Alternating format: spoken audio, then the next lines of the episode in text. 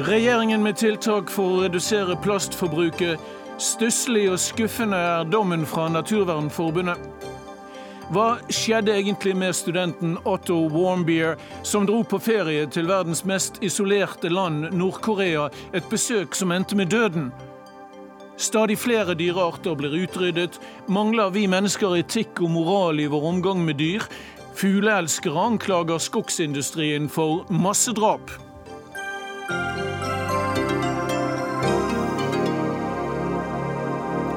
Og eh, karbohydrater eller ikke-karbohydrater, det er spørsmålet.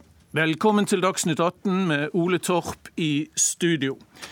Først til regjeringen som verken vil bruke forbud eller påbud for å redusere plastavfall i Norge. Derimot skal en rekke tiltak utredes nå for å begrense plastforbruket og hindre at plast og mikroplast havner i sjøen. Det går frem av stortingsmeldingen om avfallspolitikk som klima- og, og miljøminister Vidar Helgesen la frem i dag. Um, Maren Esmark, generalsekretær i Naturvernforbundet. Du og flere andre fra miljøbevegelsen har etterlyst forbud mot plastkopper, plastbestikk, plastposer. Det ble ikke foreslått i denne meldingen. Hva syns du om det? Ja, vi er jo litt eh, skuffa. Vi tenker at det er ålreit. Altså, det man gjør, er jo å legge ansvaret over på forbrukeren og si nei, ikke bruk så mye plast, da, du vær så snill, vær litt grei. Mens det man burde her, var jo å sørge for å forby det som er mest skadelig, og som lett kan byttes ut med noe annet, og så legge høye avgifter på bruk av jomfruelig plast. Du ville hatt et forbud? Ja.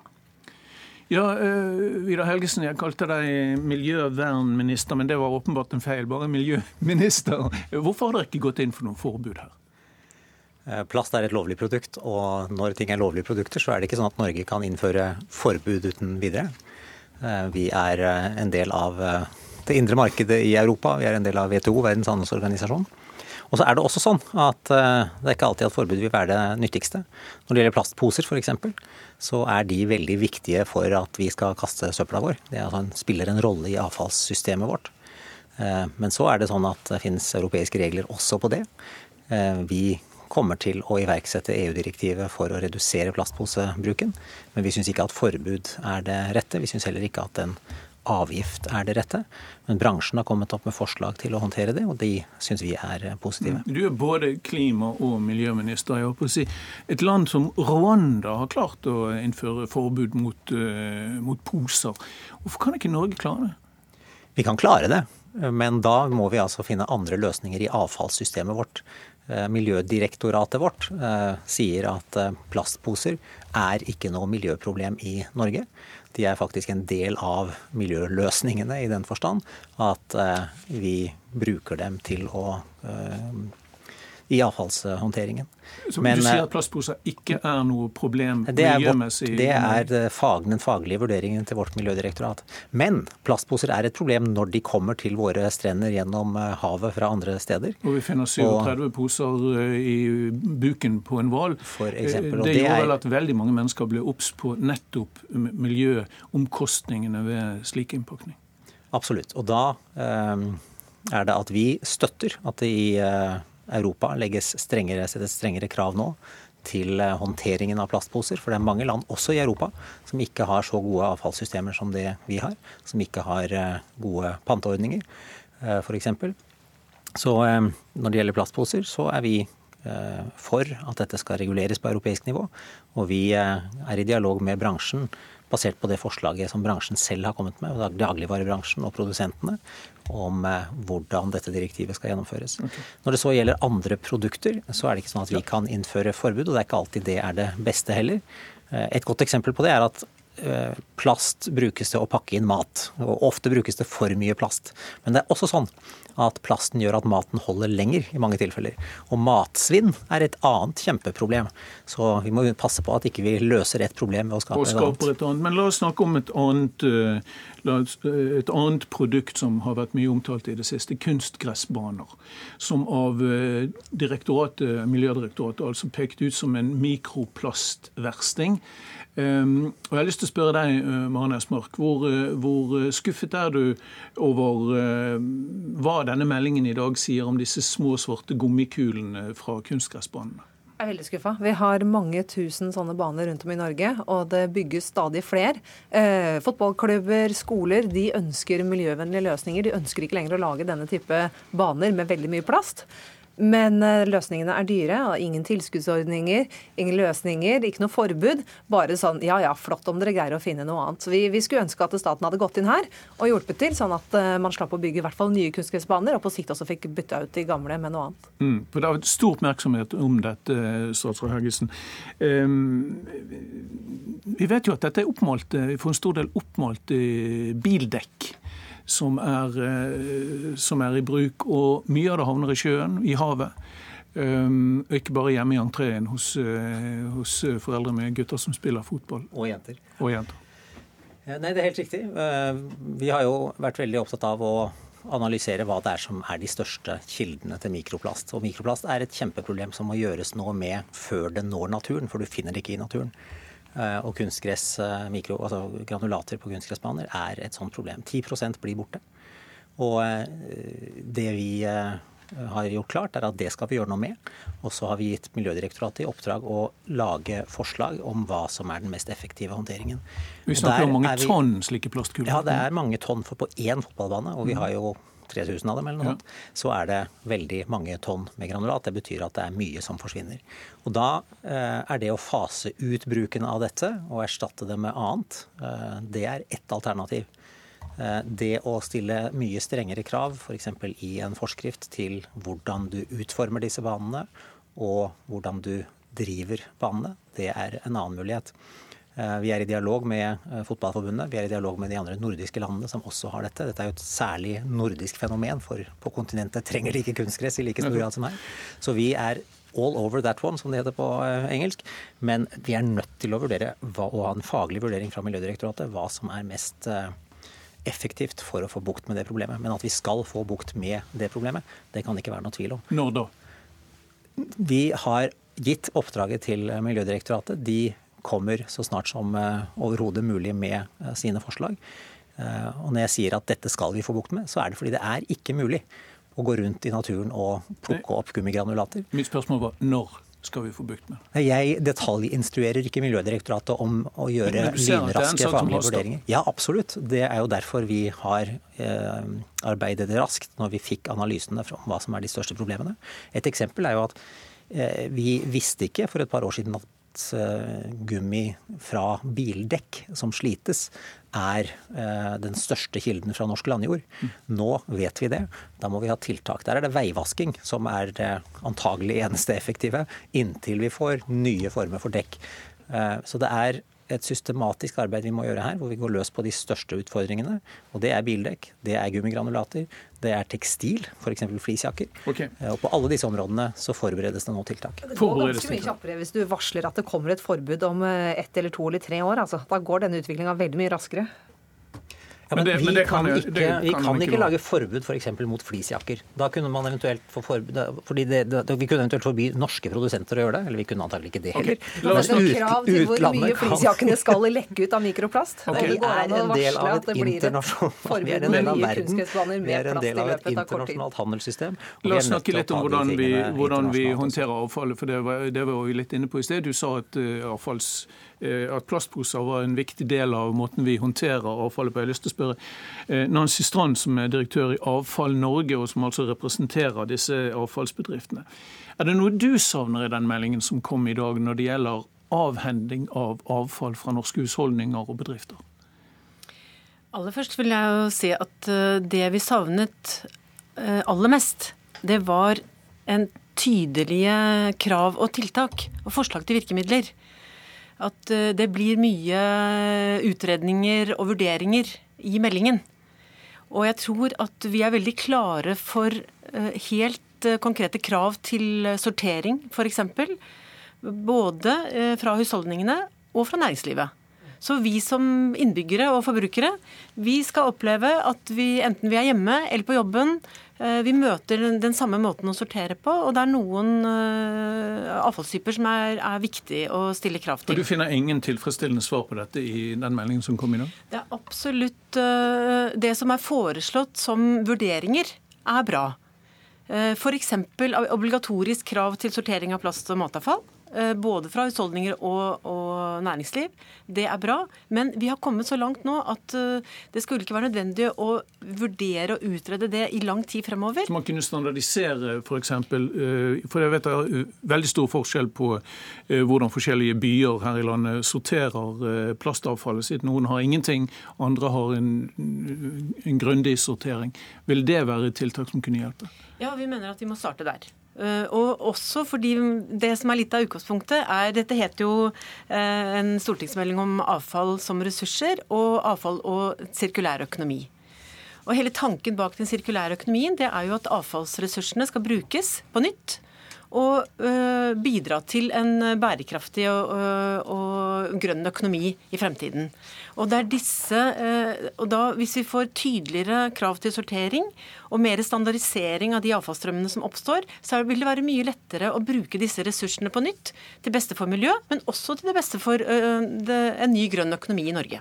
Maren Esmark, er du enig i at det er en tydelighet som mangler her i denne meldingen? Ja, definitivt. Den er jo full av ord som utrede, se på muligheten av osv. Og så handler det mye om frivillighet og frivillighet og avtaler med bransjen. Mens vi er nok ute etter de litt tøffere virkemidlene. Men du hører statsråden si at, at forbud mot flisjakker hjelper ikke, og man kan ikke sette seg utover EU-regler eh, e og slike ting. Eh, men din tålmodighet er eh, kortere? Ja, og det, jeg tenker Forbud mot flisjakker det kan nok være vanskelig, men det handler jo om å se på hvor mye de lekker. Flisjakker, flistepper. Jo billigere de er, jo dårligere er det, jo mer mikroplast lekker ut av dem hver gang du vasker dem. Da må det gå an å stille krav til produsentene og hva du er tillatt at selges i Norge. Så, så Vidar Helgesen, det virker som om det er mange som syns at dette er litt for lite, litt for tafatt, og at du, hvis du ikke kan forby noe, så kan du i hvert fall stille krav til noen. Ja, og det er jo det vi varsler at vi utreder. Og det er sånn i Norge at når man skal komme med forslag fra en regjering, så må det utredes først. Vi har fagmyndigheter som gjør det for oss. Og en av de Men tingene mitt spørsmål er, liksom, altså hvor lenge man må drive og utrede noe som de fleste er enige om er et kjempeproblem. Ja, hvis du spør norske kommuner, så er det ikke alle som er enig i at du burde ha kildesortering. Men, øh, og det er derfor de ikke har det i alle kommuner. Er ikke du Men enig i at det burde ha kildesortering? Er, jeg er enig i at vi, og jeg sier veldig klart i denne meldingen, at vi må få mer materiale gjenvunnet. Vi ligger etter.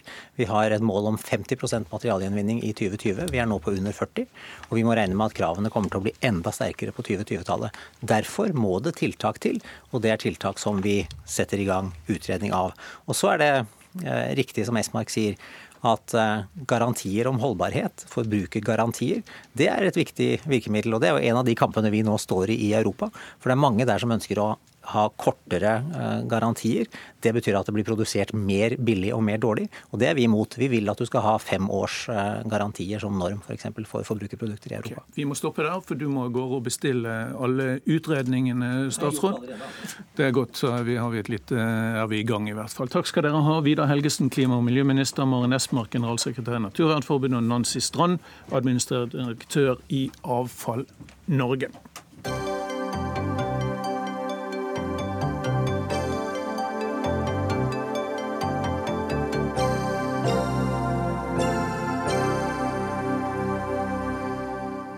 Var det mord eller selvmord, tortur eller ulykke? Hva skjedde egentlig med den amerikanske studenten Otto Warmbier, som ble dømt til 15 års straffarbeid for å ha stjålet en propagandaplakat på et hotell i Nord-Korea? 22-åringen døde denne uken etter halvannet år i nordkoreansk fangenskap. Warmbier lå i koma med omfattende hjerneskade da han ble sendt hjem til USA i forrige uke. Med oss nå Peter Svår, vår Asia-korrespondent. Hva vet vi nå hva som er skjedd? Ja, Det vi helt sikkert vet, er jo at eh, Wombier var på nyttårsferie til Nord-Korea for eh, nå ett og et halvt år siden. Han ble arrestert på vei ut, anklaget for fiendtlige handlinger mot staten. At han da har stjålet et skilt på det hotellet han eh, bodde, angivelig. Deretter en parodi av en rettssak våren 2016 med en gråtende Warmbier. Og rett etter denne saken sier nordkoreanerne at han falt i koma. Det fortalte de jo ikke til noen. Og vi vet også at det var forhandlinger bl.a. i Oslo Eh, bare for eh, noen uker siden, eh, i mai, som bidro til at han etter hvert da ble løslatt og, sendt hjem. Men vi vet jo ikke om årsaken til denne hjerneskaden han har pådratt seg, var et uhell, om det var et sykdom, om han ble mishandlet, eller om han kan ha påført seg dette selv. Og i dag nekter jo også familien for en obduksjon, så mer får vi kanskje ikke vite heller. Mm. Vi skal snakke med en hjerneforsker her i Dagsnytt 18 om en liten stund, men først en, en kuriositet. Du har jo bodd på det samme hotellet som heter Yangakdo eller noe slikt, eh, som Wambier bodde mm. på. Um, altså der han skal ha tatt denne plakaten eller dette oppslaget, propagandaoppslaget. Hva slags hotell er det? Det er et meget pussig eh, sted å befinne seg. Det minner litt om eh, gammel, eh, kulissene til en gammel James Bond-film enkelte steder. Det er f.eks. et stort haiakvarie ved frokostsalen. Det er bilder av rakettoppskytinger og en klappende Kim Jong-un ved heisene opp til rommene. Det er jo et eh, hotell som ble bygget på 90-tallet, åpnet av Jacques Chirac, faktisk. Av franske, bygget av franske ingeniører. Men viktigere er at det ligger på en øy i Tadong-elven som renner gjennom Pyongyang. Det er militære sjekkpunkt på forbindelsene inn til land, slik at utlendingene som bor der, der er eh, fanget ute på denne øya. Og så er det jo historiene om denne mystiske femte etasjen. Det er etasjen heisen ikke går til. Den delen av historien vet jeg stemmer. Den stopper i fjerde og sjette etasje. Det sies å være en sikkerhetsetasje der sikkerhetspolitiet ryktes å drive sin omfattende avlytting av alle rom på hotellet. Og det er i den etasjen Warmbeer skal ha gått og skal ha stjålet denne eh, posteren via branntrappen. Det er i hvert fall den historien som fortelles blant Nord-Korea-farere her i Beijing nå. Okay. Heng med oss, eh, Peter. Vi skal kanskje komme tilbake til deg. Eh, Kaja Nordengen, eh, velkommen hit i studio. Du er altså hjerneforsker, lege ved, ved Akershus universitetssykehus. Og i parentes forfatter av den boken som selger så mye nå, som heter 'Hjernen er stjernen'. Men altså, nordkoreanerne sier at Wombier havnet i koma som følge av en kombinasjon av sovepille og en botulisme, som altså er en bakterie, bakteriell forgiftning. Hvor troverdig er det? Egentlig så er det en ganske god historie. Det er en historie som er fryktelig vanskelig å tilbakevise.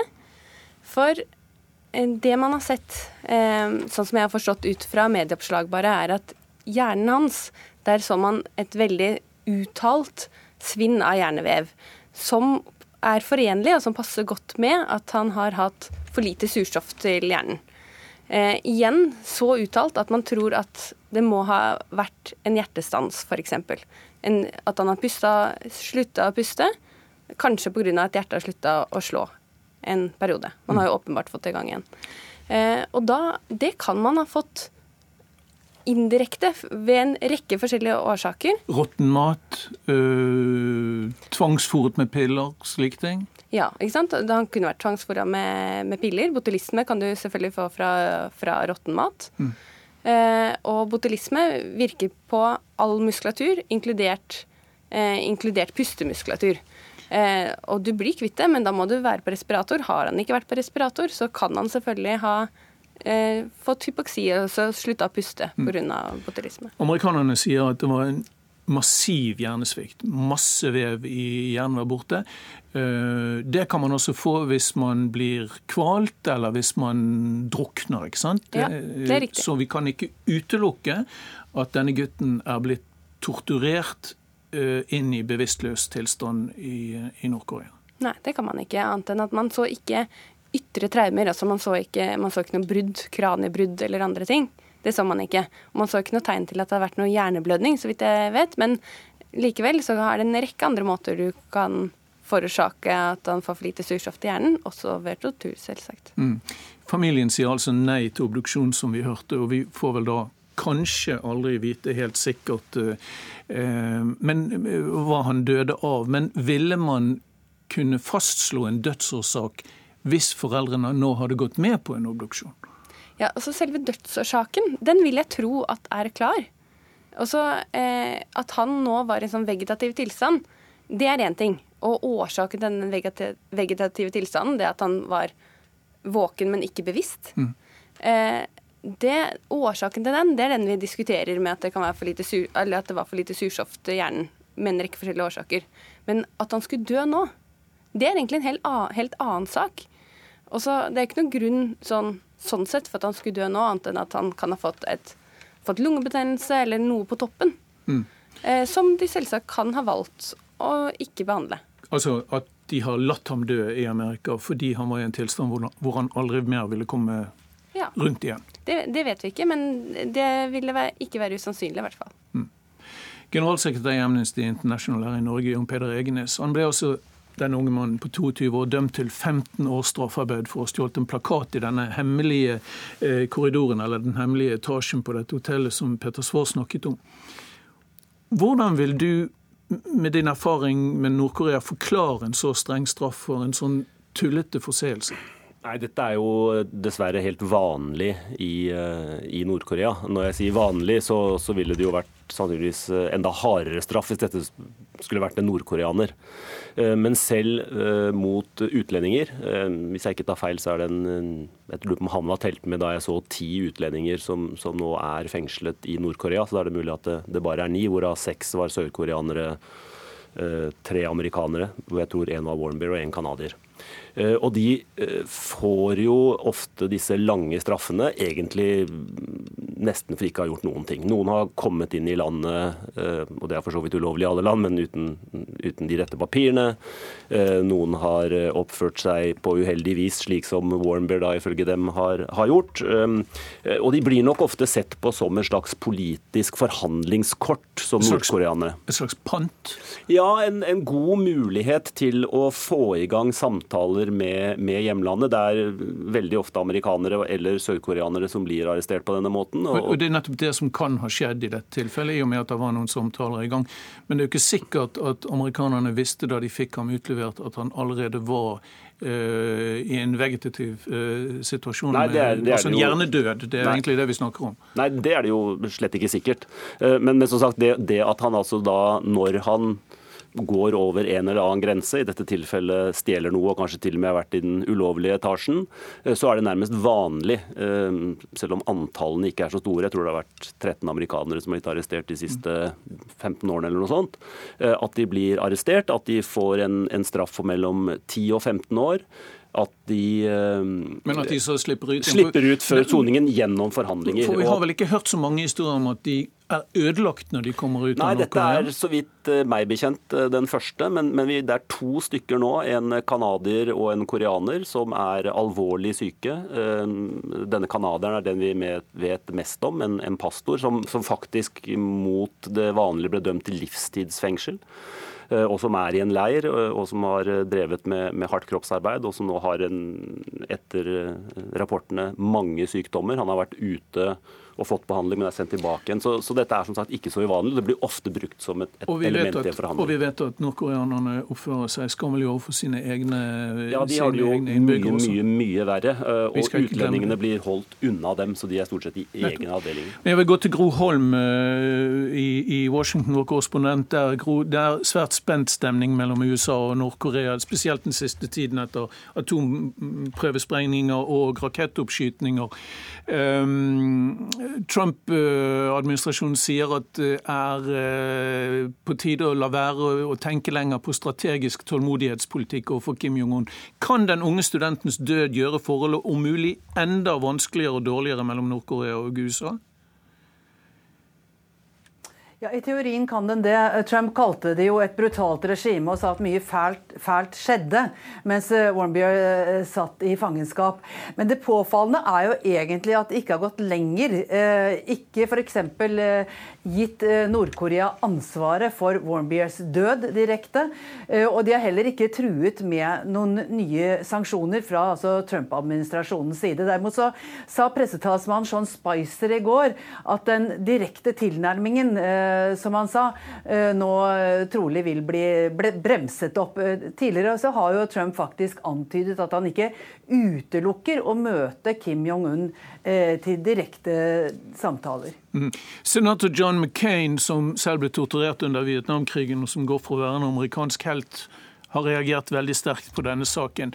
Hva slags andre politiske reaksjoner er det kommet i USA over den saken? John McCain han sa jo rett ut at uh, Warmbier ble myrdet av det nordkoreanske regimet. Han sa for øvrig også at det bør avkreves underskrift av alle som er dumme nok til å reise inn i Nord-Korea. En underskrift som fritar amerikanske myndigheter ansvar for hva som måtte skje med dem der inne. For øvrig så er det jo en unison fordømmelse av det nordkoreanske regimet. Uh, men det er, uh, det er relativt få av ansvarlige politikere, og når jeg sier ansvarlige politikere, mener jeg folk som sitter i ansvarlige posisjoner i Kongressen, eh, som, eh, som gir Nord-Korea direkte ansvar for å ha myrdet ham. Så der følger de på en måte opp administrasjonen. Men det er jo en generell fordømmelse av det nordkoreanske regimet mm. her, her, på amerikansk hold. Og Det har også kommet opplysninger nå om at det er bevegelser rundt militære områder som kan tyde på at en ny prøveoppskyting er på gang, altså av raketter som er knyttet til atomprogrammet i Nord-Korea. Eh, tilbake til Petras svar til slutt. Eh, eh, flere reisebyråer har jo nå sagt at de vil slutte å sende utenlandske turister til Nord-Korea. Hva slags konsekvenser kan det få for regimet der? Turiststrømmen har jo hatt stor og økende vil jeg si, betydning som inntektskilde for nordkoreanerne de siste årene. I tråd med at sanksjonene har blitt strengere, så er turismen for dem en enkel kilde til veldig sårt tiltrengt utenlandskapital. Euro var favoritten da jeg var der. Det er penger nordkoreanerne trenger til å kjøpe sanksjonerte varer. De trenger også å kjøpe luksusgoder til den snaue millionen som eh, er regimets elite, bor i Pyongyang. De skal ha kapsler til sine Nespresso-maskiner og vesker og franske oster. Eh, nå vil dette dette kanskje strammes inn. Det vil jo bety at en klynge med reiseselskap her i Beijing nå er urolig for fremtiden. Bl.a. Young Pioneer Tours, som tok Warmbier Warmbeer inn, de sier jo nå at de kommer til å slutte med å frakte amerikanske statsborgere på disse turene. Man antar at det kanskje vil komme et forbud nå fra State Department innen ikke så veldig lang tid. Og det skremmer jo selvfølgelig også andre eh, turister. Det vil også selvfølgelig også påvirke nordkoreanernes inntekter fra dette. Eh, de har jo også pleid å behandle disse turistene som kommer inn, nærmest som vandrende minibanker, hvor du får plutselig eh, regninger på 15, 150 eh, euro i omvisningsavgift og en masse andre ting de finner på for så, å holde penger ut av deg. Så det kan få implikasjoner og, og virkninger for turiststrømmen i den grad noen har turt å reise til dette landet. Takk til Peter Svorvår, korrespondent i Beijing, som overvåker Nord-Korea, også til Gro Holm, eh, vår korrespondent i USA. Kaja Nordengen, jernforsker her i studio, og Jon Peder Egnes fra Amnesty International.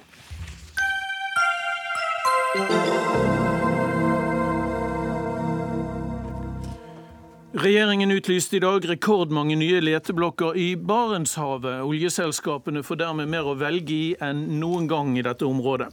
Av de 102 nye blokkene som skal tildeles neste vår, ligger hele 93 i Barentshavet, mens ni ligger i Norskehavet. Fem av blokkene strekker seg så langt som mulig inn mot Bjørnøya, der forvaltningsplanen for Barentshavet og Lofoten ikke tillater petroleumsvirksomhet i det hele tatt.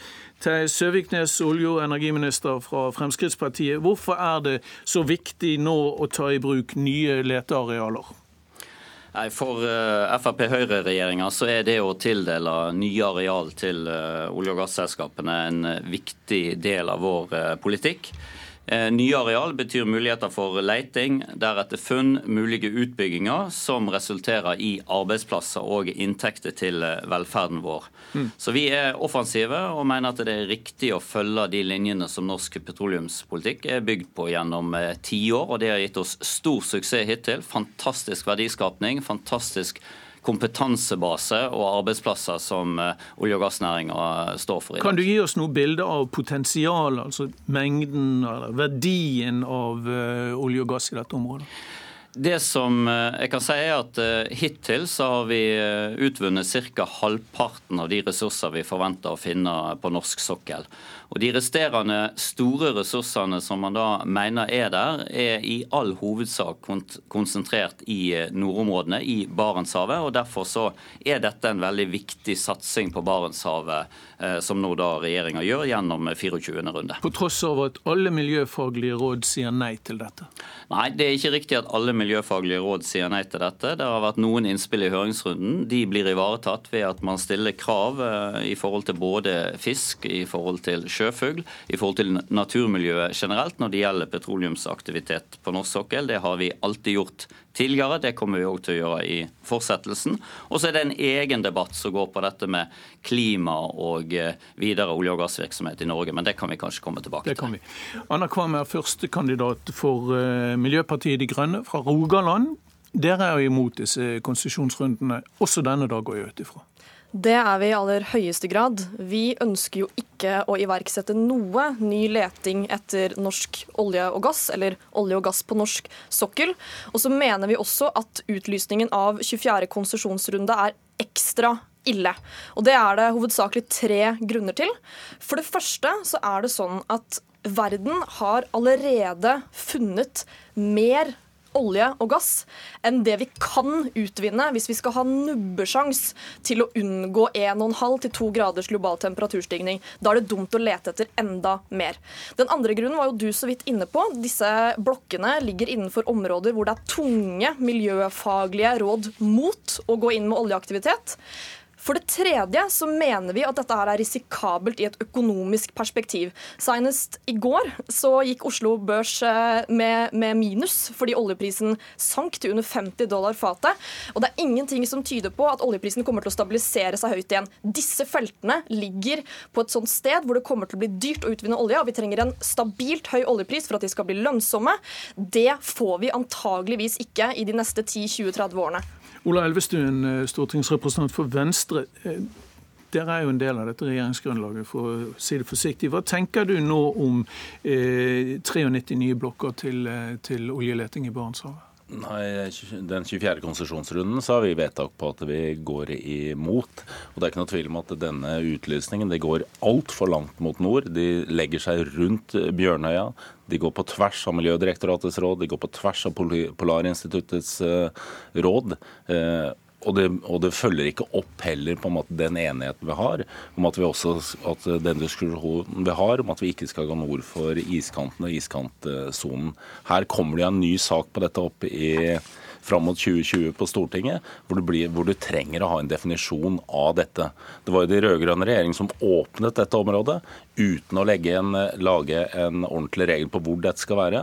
Dette må vi få på plass. Og så er det det som ble påpekt her, at du må, vi mener du må jo ha en helt annen utredning før du går videre på, på å utvikle nye områder hør, i nord. Men hør, Miljøpartiet De Grønne stiller ultimatum til stortingsvalget til høsten. De sier at de vil ikke støtte noe parti som går inn for nye konsesjoner. Det er oppfattet riktig, ikke sant? Ja, det er helt korrekt. Det er riktig. Ja. Hvorfor gjør ikke Venstre det? Du, nå har jo vi I denne perioden så har vi jo sørget for at det ikke er petroleumsaktivitet utenfor Lofoten, Vesterålen og Senja. Det er ikke på Mørebanken, det er ikke på Jan Mayen. Vi har en strid omkring iskantsonen. Den føres videre inn i neste periode. Men vil dere stille det ultimatumet til høsten?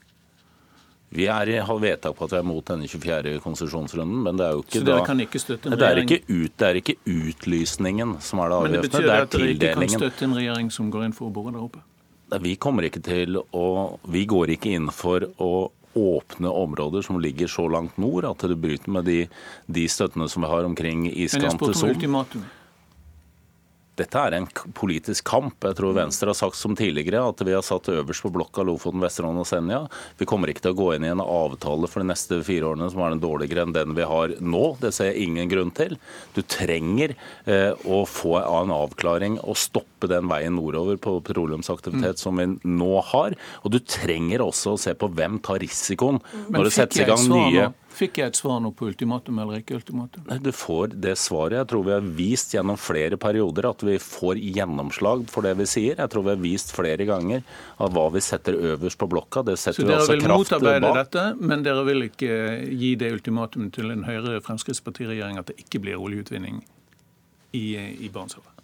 Vi setter Lofoten, Vesterålen og Senja høyest på blokka. Vi kommer til å jobbe i forhold til de andre områdene som vi nå holder petroleumsfrie, og så må dette utvides. Og så er det et element til, det er nettopp det som må se Dette er jo langsiktige investeringer. Du er nødt til å nå få en prosess som ser på hvem er det som tar risikoen for disse nye områdene. Ligger risikoen på fellesskapet, som det i veldig stor grad gjør i dag, pga. skatte- og avgiftssystemet som vi har, eller bør det legge mer på, på oljeselskapene. Og det er jo der den viktige diskusjonen og den viktige eh, beslutningene tas. Søviknes vil inn på dette. Han er med oss fra Bergen, nemlig. Ja, eh, jeg vil gjerne få kommentere et par ting. Fordi eh, Det er viktig å slå fast at for det første så ligger alle disse blokkene innenfor det området som Stortinget har åpna for petroleumsaktivitet. For det andre så er det ingenting i denne utlysninga som bryter med den avtalen regjeringa har med Venstre og KrF.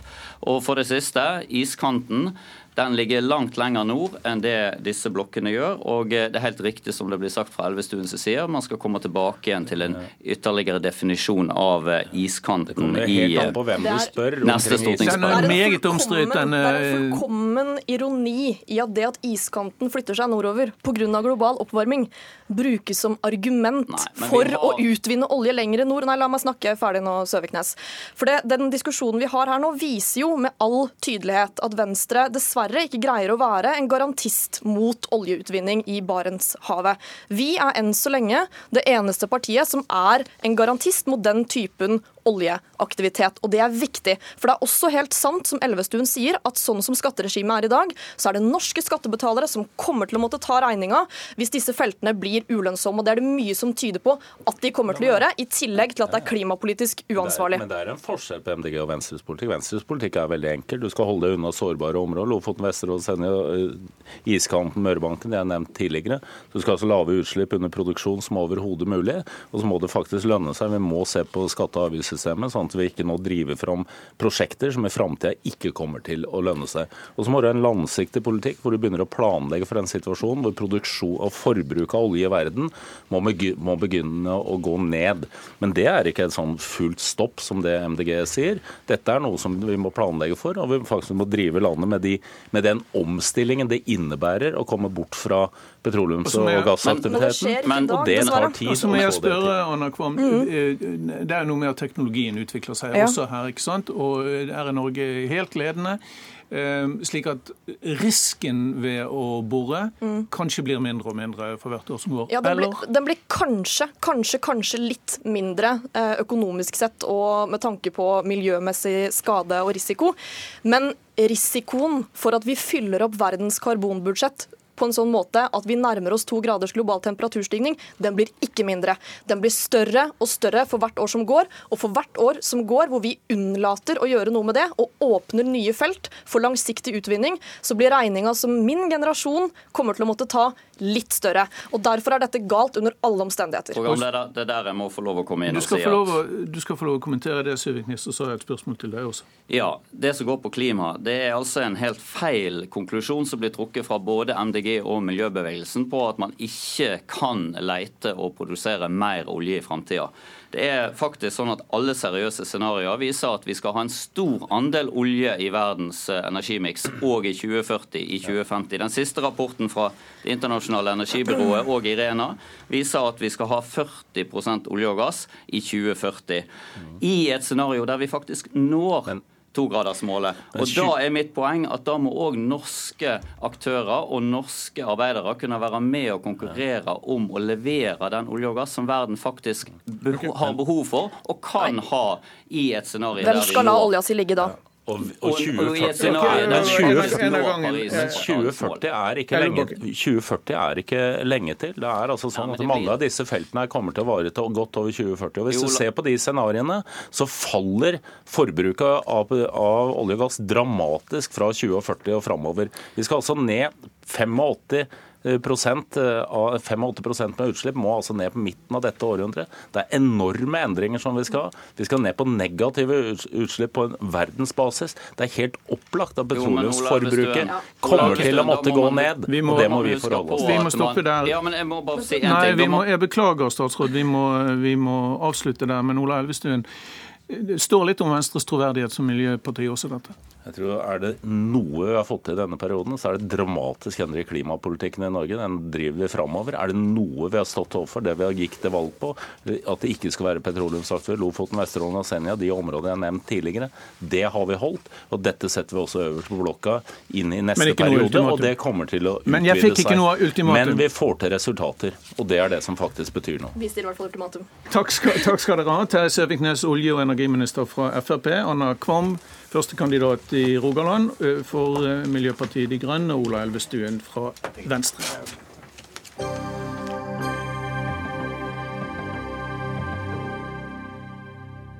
Skogens fugler lever farlig. Fugleelskere landet over anklager nå skogsindustrien for å utrydde småfuglene våre. Nå, særlig i hekkesesongen er fuglene ekstra sårbare. Fra mars til et stykke ut i juli gjennomfører flere titalls millioner fuglepar familieforøkelse. Så burde skogeierne rett og slett la være å hugge i hekkesesongen? Naturvernrådgiver Martin Eggen i Norsk ornitologisk forening. Du har i en artikkel som jeg har lest i dag, kalt det et massedrap, det som foregår i norske skoger nå. Ja, det er jo sånn at eh, når man hogger i skog der det er masse fugl som hekker, så er det mange fugler som dør og som mister Så det går utover med reir og egg og unger, da. Og det er jo sånn at vi prøver jo å lære opp den norske befolkning og ellers, eh, og jeg og du, vi er jo forplikta til å beskytte fugler sin hekketid. Men skognæringa har jo fått seg en gyllen eh, deal på akkurat det. De er jo litt fritatt fra akkurat de, de her uh, generelle bestemmelsene på at uh, reir og fugleunger er verna i, i hekketida. Men altså, NOF, Norsk ornitologisk forening, mener at 57 fuglearter er i til dels betydelig tilbakegang her i landet. Er det skogsindustriens skyld? Nei, altså Vi er ganske klare på at dette er et dyreetisk eh, problem først og fremst. Eh, og et, kanskje et omdømmeproblem for, eh, for næringa. For vi mottar jo veldig mange henvendelser fra medlemmene våre som ikke forstår at det her kan være lovlig å drive på med. Mm. Når du på den ene sida ikke kan fjerne et måkereir på som du har utenfor vinduet ditt, så, uh, så, det er vanskelig å forstå? Så det er vanskelig det, for folk å forstå. Men la oss spørre konsulentsjef uh, Yngve Holt i, i Norskog, velkommen til deg også. Massedrap på fugler, og dere er sterkt medskyldige? Det blir jo en veldig sånn emosjonell eh, måte å debattere på. Men, ja, men det dreier seg om småfuglene våre. Ja, det er mange som er opptatt men av på mange måter så syns jeg at det blir litt eh, her å, å, å, skyte på litt på pianisten. fordi at de skogeierne som er i Norge, vi bruker 60-100 år på å produsere et miljøvennlig råstoff altså som vi skal levere til industrien. Og for skogeierne, vi er ikke i et hundreårsperspektiv, vi er ikke avhengig av å avvirke dette tømmeret nødvendigvis i mai måned eller da, da når fuglene hekker. Eh, vi kan godt vente til august eller september eller vinteren eller når det måtte være. Men problemet for vår næring er at vi er en del av en hel verdikjede med 5000 mennesker som jobber i sagbruksbransjen, med treforedlingsindustrien, med lastebilentreprenører, avvirkningsentreprenører osv. videre Og og disse er avhengige av å ha hjula i gang i realiteten tolv måneder i året. Men dere er vel også underlagt naturmangfoldloven som, som beskytter fugler og kyllinger og eggene? Dere er vel ikke over naturmangfoldloven? dere? Ja, delvis eh, er det riktig, men for det første så er det jo slik at i naturmangfoldloven så står det noe om, om unødig, altså det er en interesseavveining vurdering som skal gjøres i, etter naturmangfoldloven. Og for det andre så har jo tradisjonelt landbruk, da, eller skogbruk i dette tilfellet, kan gå uh, uavhengig av de bestemmelsene. Ok. Um, Martin Eggen, burde det være forbud mot å hugge i, i hekkesesongen i det hele tatt? Ja, Vi mener jo at det så langt som mulig bør være det. Men vi ser jo at, at det er visse økonomiske og praktiske utfordringer til det som Yngve snakker om. Da. Um, Men mener dere at jo... skogeierne ikke tar hensyn til uh, fuglelivet i det hele tatt? Nei, altså, Det vi ser, det er jo bl.a. at det utbetales um, barmarkstillegg uh, for å stimulere til at det skal hogges også mm. om våren, da, for å holde hjulene i gang, sånn som, uh, som det sies her. Mm. Um, en måte i så fall, en, en ende å begynne på det her, det er jo at uh, man ikke hogger i den mest fuglerike skogen, altså den skogen med høyest La oss ta et helt konkret eksempel fra, fra sist måned i mai. var det mye snakk om perleuglen, uh, som, som hekker bl.a. i Trysil, og der ble det hugget flathogst. Uh, og uh, folk i Trysil var rystet over at skogsarbeiderne tilsynelatende ikke tok noe hensyn. Er skogsarbeidere ikke opplært til å ta hensyn til fuglehabitat? Jo, for det første så er det slik at Vi driver et uh, sertifisert skogbruk hvor vi har ganske kraftige og rigide regler vi følger. Og da er det sånn at For enhver en hogstaktivitet så må vi sjekke offentlige databaser for å sjekke om det der er sjeldne eller truede arter. Eh, og vi har For noen arters vedkommende, og de mest forekommende, så har vi egne manualer for hvordan dette skal håndteres. Men følges de? Vet du, de jeg skal legge til at perleuglen perluglen ikke er truet uh, i Norge. Men følg, kan du garantere at skogsarbeiderne følger disse Det kan jeg garantere at man følger. At vi har avvik. Er det, er det ditt inntrykk, Eggen? Da har vi miljøsertifisering som er utarbeidet av bransjen sjøl, som ikke miljøorganisasjonene i Norge er med på. Så den har jo kraftig forbedringspotensial. Men, men skal, de skal, skal de gå fra tre til tre og rister det og se om det er et reir? Altså, eh, nei, altså Det vi ønsker er jo i så fall at det drives med plukkhogst og ikke flathogst. Altså at man ikke snauer store områder der hele leveområdet forsvinner. Og Det er jo mulig å eh, tilrettelegge til gjennom skjøtsel av skog, sånn at eh, når man, skal, kan, at man har noe skog da, om våren som man kan ta ut med plukkhogst. Og det, det, er jo én måte å gjøre det her på. Det vil jo være mye mer skånende for de fuglene som hekker på bakken, og det vil også eh, gjøre at de fuglene som er igjen da, i, i det skogsmiljøet, kan prøve å hekke på nytt. Hvor mye skog hugges det hvert år i Norge? Vi ligger jo på stabilt nå på et kvantum på 10 millioner kubikkmeter. Eh, så Hvor mange prosent av total skog er det? Ja, på areal har jeg ikke det, men, men, men hvis man sier det er, jo, det er, jo, store deler av eh, det produktive skogarealet som i realiteten ikke er i bruk. Men eh, det, indikerer jo, det indikeres jo alene at vi avvirker bare ca. halvparten av tilveksten. Mm. Men på den delen som vi drifter kommersielt, så avvirker vi kanskje litt over 1% av arealet i året. Dere er vel ikke uenig i at fuglene er i en mer sårbar situasjon i hekkesesongen enn ellers i året? Selvfølgelig, og, ideelt sett så burde vi kunne greie å burde vi ha tilpasset oss det, men vi skal skaffe industrien råstoff tolv måneder i året. De er avhengig, de har togpendler, de har logistikksystemer.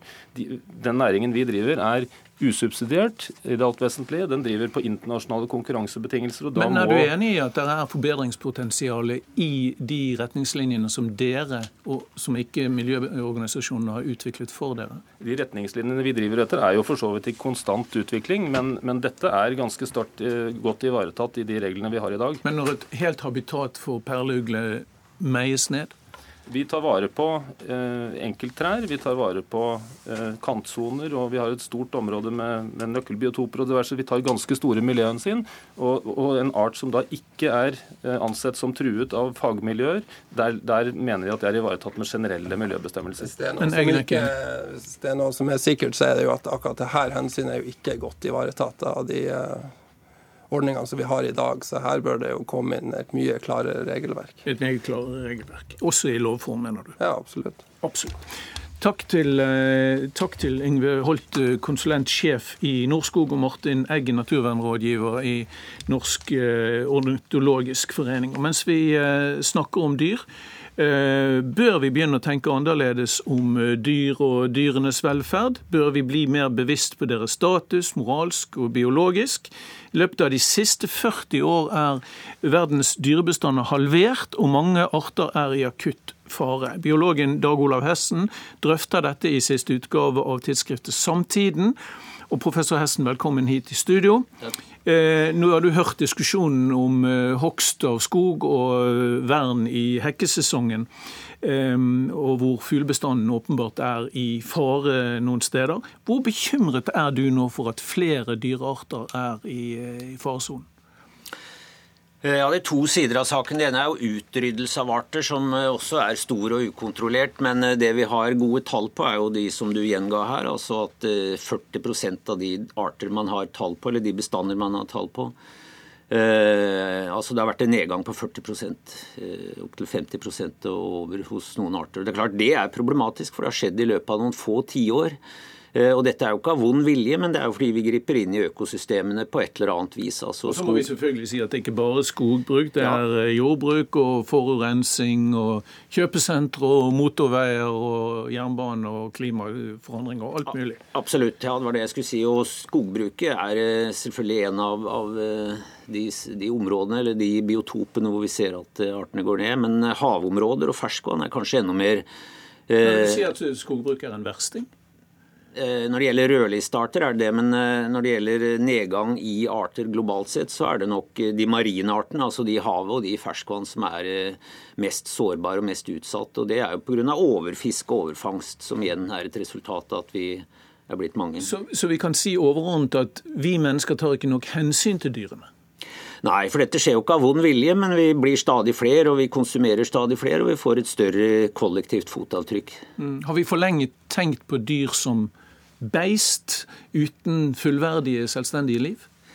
Ja, vi har i hvert fall tenkt på de som ting. Eh, det er jo ingen som er imot dyr, og de fleste syns jo dyr er karismatiske og vil gjerne ta vare på det. Kanskje ikke alle dyr, men mange.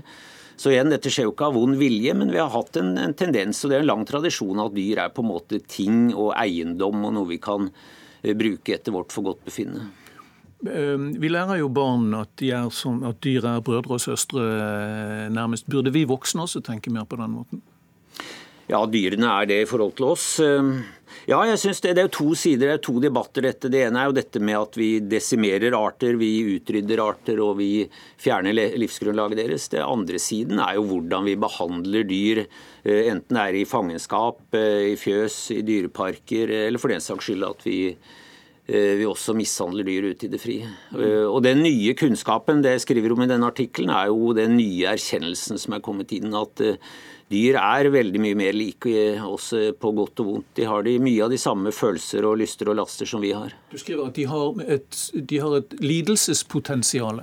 Ja, det er jo den essensielle begrunnelsen for at vi bør behandle dyr, om ikke akkurat som mennesker, så i hvert fall som levende, følende, tenkende vesener. De kan føle både sorg og glede? Ja, Vi vet ikke akkurat hvor langt, men at de har veldig mye av det samme følelsesregisteret som oss, er helt åpenbart. For de har mye av de samme hormonene i hjernen, som er de som skaper disse følelsene hos oss. Mm. Uh, ja. Men du var inne på det. Der er også økende bevissthet ikke sant, uh, om hvordan dyr skal ha det. Vi har, uh, vi har sett aksjoner og, og, offentlig debatt om pelsdyrhold f.eks., som kan tyde på at vi har mer empati for dyr. Vi har kuen på madrass i fjøset. Eh, men samtidig det store industrielle jordbruk og utradering av friområder. Det er et paradoks, dette. Et åpenbart paradoks. For det er som du sier, det er klart at den råskapen vi en gang viste i forhold til dyr, den gang vi behandlet de som helt ufølsomme, den er jo historie. Og det er kommet eh, lover og regler som beskytter dyr. Og som du sier, vi, vi har jo velferd, dyrevelferdslover som tilsier at f.eks. husdyr skal kunne ligge på en madrass og være frittgående. Men samtidig da er det i større og større grad produksjonsenheter i et industrielt landbruk. Mm. Men i det store bildet, kan vi nå forestille oss et, eh, en, en, en, fremtid der våre barn vokser opp uten å ha sett f.eks. et levende reinsdyr, eller, en, eller, at de tror en elefant er noe som levde på dinosaurenes tid? Det blir, altså det blir en fremmedgjøring overfor dyr? Ja, altså Det ene er jo at vi helt åpenbart kommer til å se en del av disse store karismatiske dyrene. Og ikke minst de som står oss selv nærmere. Menneskapene er jo i akutt fare for å utryddes. Eh, men samtidig så vokser vi nok opp nå med en økende erkjennelse nettopp av dette at dyr er mer grunnleggende like ved oss, og, og sånn sett et større ønske om å behandle de pent og ta vare på det. Men så kolliderer selvfølgelig dette med et økende behov for mat, og hvis stadig flere skal spise kjøtt, så blir jo det et, et problem som er nesten uløselig. Mm. Hvis du skal helt til slutt tenke litt filosofisk på det. Um, gjør denne distansen og denne behandlingen distansen til dyr og behandlingen av dyr, forandrer det oss som mennesker? Eh, den distansen er vel den som har vært der. så jeg vil si, heller si at Den nye erkjennelsen av dyr er faktisk, i hvert fall de avanserte pattedyrene, er mye mer like oss enn vi har trodd, eh, vil forandre vårt syn på dette. Det er klart det er noen ting som er unikt for mennesket, f.eks. vår evne til å sitte og diskutere dette og ha en moralsk diskusjon om om dyrs status. Så jeg tenker at både likhetene, dette at de føler og opplever mye av de samme smertene og sorgene og gledene som oss, og at vi har dette bevisste etiske refleksjon rundt det, taler for at vi bør se på dyr med, med nye øyne. Takk skal du ha, eh, biolog Dag O. Hessen, professor Universitetet i Oslo.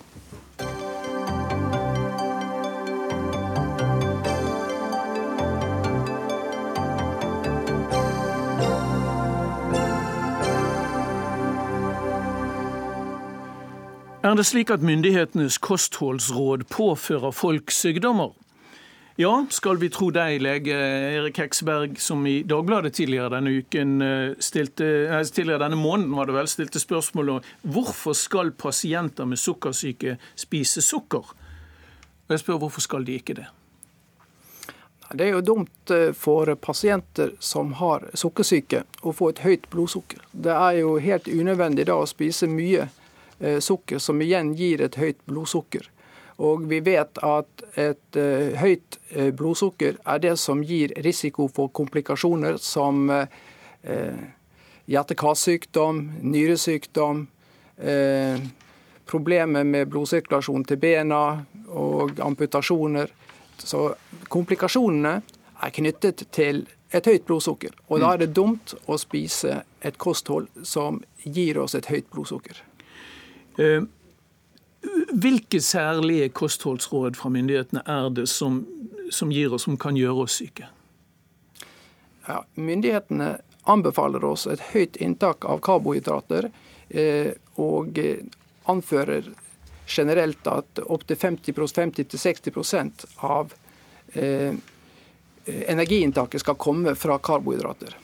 Og Hvis halvparten av energien skal komme fra karbohydrater, så blir det mye sukker. Og Det betyr også at de, å anbefale mye poteter og brødmat, slik myndighetene gjør, det blir et altfor høyt blodsukker for de som har sukkersyke. De som har sukkersyke. Tanja eh, Galchenko, eh, overlege ved Oslo universitetssykehus, og også leder i noe som heter Helsepersonell for plantebasert kosthold. I dag svarte du Hekseberg, i, i Dagbladet under overskriften 'Karbohydrater er sunt'. Ja. Er det alltid det?